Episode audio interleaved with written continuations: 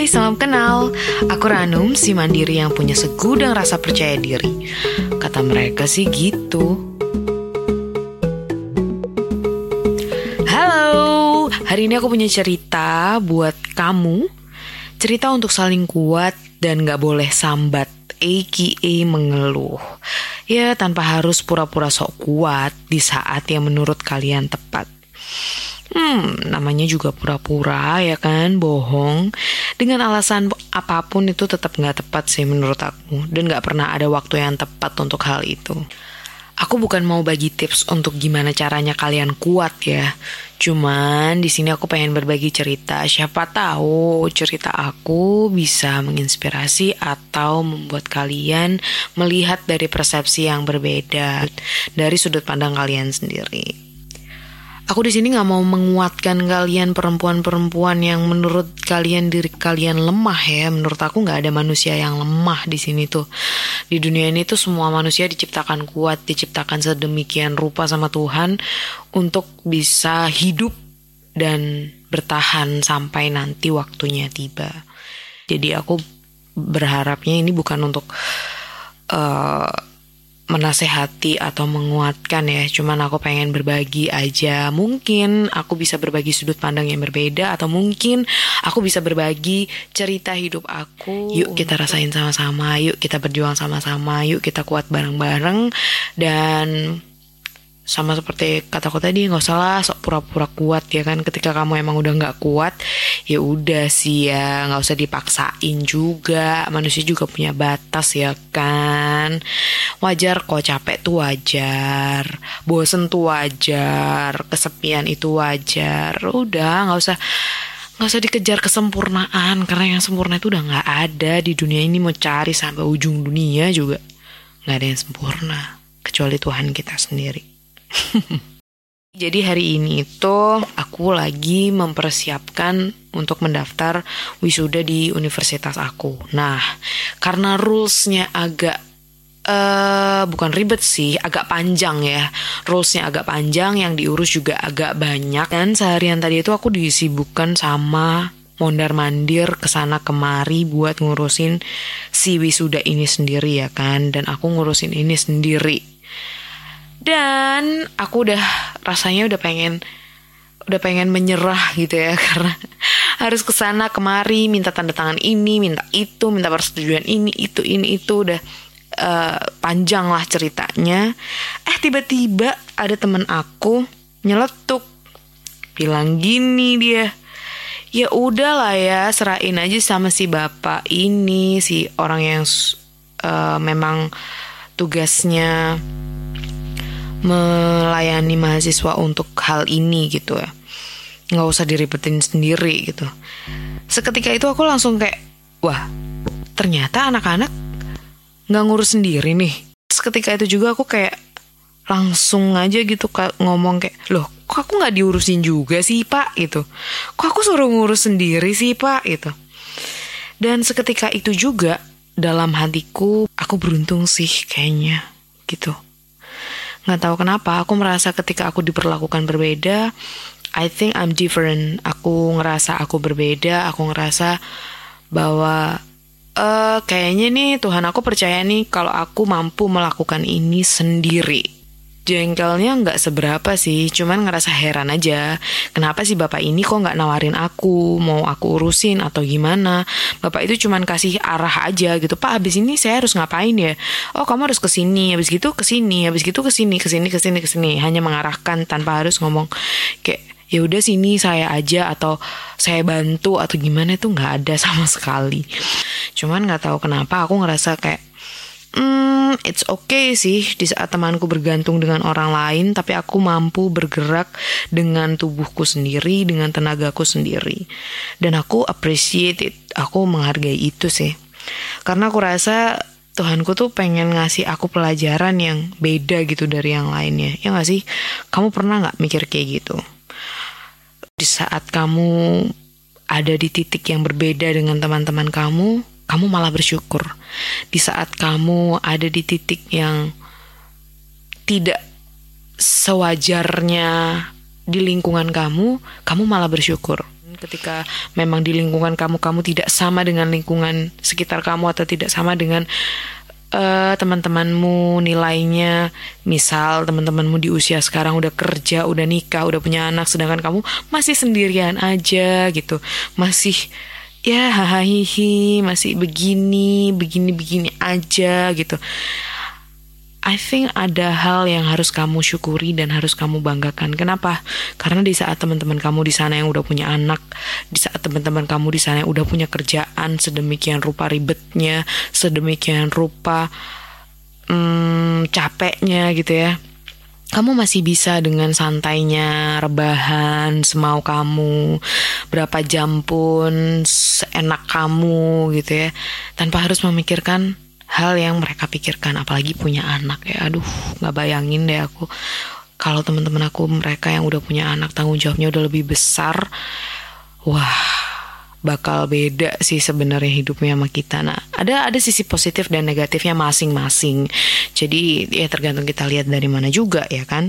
Jadi jangan pernah menyalahkan waktu, jangan pernah menyalahkan diri kalian sendiri dan jangan pernah menyalahkan masa lalu kayak coba aja aku dulu tuh begini, coba aja aku dulu begini. Ya, belum tentu juga ketika kamu akan seperti itu, kamu juga akan seperti teman-teman kamu ya kan? Belajar dari hal-hal yang sederhana seperti itu, dari hal-hal yang remeh menurut kita mungkin atau mungkin ada kamu yang di sana belum terbersit tentang hal-hal seperti ini. Hanya memandang enak ya dia. Duh aku gini-gini aja gitu. Cantik ya dia. Duh aku beli skincare aja masih belum bisa gitu duh enak ya dia naik mobil ke mana-mana aku nyetir mobil aja belum bisa I think ada yang kamu bisa tapi dia nggak bisa. Ada yang kamu punya tapi dia nggak punya. Jadi aku harap kalian udah stop bandingin diri kalian sendiri dengan orang lain. Mereka juga punya ketidaknyamanan dalam hidup mereka sendiri. Mereka juga punya hal-hal yang mereka tidak sukai dalam hidupnya sendiri. So jangan janganlah kamu bandingin kamu dengan dia, dia dengan kamu karena memang keadaannya berbeda. Kamu dan dia juga berbeda gitu. Jadi memang apa yang kamu punya belum tentu dia punya, apa yang dia punya juga belum tentu kamu punya dan apa yang dia punya ketika kamu punya belum tentu juga kamu bisa expect dengan hal-hal yang kamu pikirkan sekarang, ya kan? Jadi menurut aku belajar dari hal-hal yang sederhana itu bisa menjadi hal-hal yang ber bermakna sih karena aku sering dan selalu membiasakan diri aku untuk belajar dari hal-hal yang sederhana. Yang ada di lingkungan aku nggak usah yang muluk-muluk dengerin cerita artis dengerin cerita idol dengerin cerita sinetron drama dan lain-lain. Dari sekitar kamu aja dari teman, dari orang tua kamu sendiri atau saudara, melihat sesuatu itu dari sisi yang ini, dari sisi yang itu, dari depan, dari belakang, dari ketika kamu jadi dia, ketika dia jadi kamu, kamu bisa melihat itu. Aku rasa itu semakin membuat kita lebih berwarna sih. Setelah itu nggak tahu kenapa aku melangkah ketika aku kembali berburu memburu tanda tangan beliau-beliau yang susah diharapkan, yang tidak pasti kedatangan dan kepulangannya. Jadi semakin semangat aja gitu, jadi semakin tersenyum, jadi semakin wah gitu. Aku bisa nih harusnya. Aku ngerti nih harusnya. Aku dengan begini aku bisa begini. Dengan aku menjalani ini sendiri aku ngerti. Jadi oh ternyata kerjaannya bapak itu nggak mudah juga loh. Oh ternyata rules yang ada di universitas ini juga nggak mudah. Oh ternyata dalam berorganisasi atau dalam ha, suatu struktur yang benar-benar struktural ketika dijalankan benar-benar uh, sesuai dengan rules itu nggak segampang itu loh nggak seenak kamu ngomong goreng tempe. Ih keasinan gitu. Terus nggak seenak kamu ngomong ketika komplain ada barang yang nggak sesuai sama kamu. Bahkan di balik itu ada proses yang menurut kita menurut orang di belakang layar yang ngerti proses itu sendiri itu nggak mudah untuk jadi seperti itu. Walaupun itu hal yang sepele ya kan? Dari cerita yang aku sampaikan hari ini, kalian bisa ambil poinnya kalian belajar dari hal yang sederhana itu nggak salah memaknai hal-hal yang remeh itu nggak masalah kalian uh, masih ada di fase-fase ini masih masih ada di fase-fase duh uh, overthinking nih gitu. Duh, aku terlalu mikirin masa depan nih. Duh, aku terlalu mikirin gaji nih. Duh, aku terlalu duh udah deh nggak usah terlalu terlalu life must go on gitu. Kamu nggak punya uang, Tuhan tuh udah kasih rejeki sesuai porsinya masing-masing. Kamu kita tuh coba lihat segala sesuatu dari sudut pandang yang bermacam-macam. Kita coba melihat kebaikan di dalam apa pun yang terjadi dalam hidup kita gitu. Gak harus membuat yang buruk menjadi baik, bukan ya.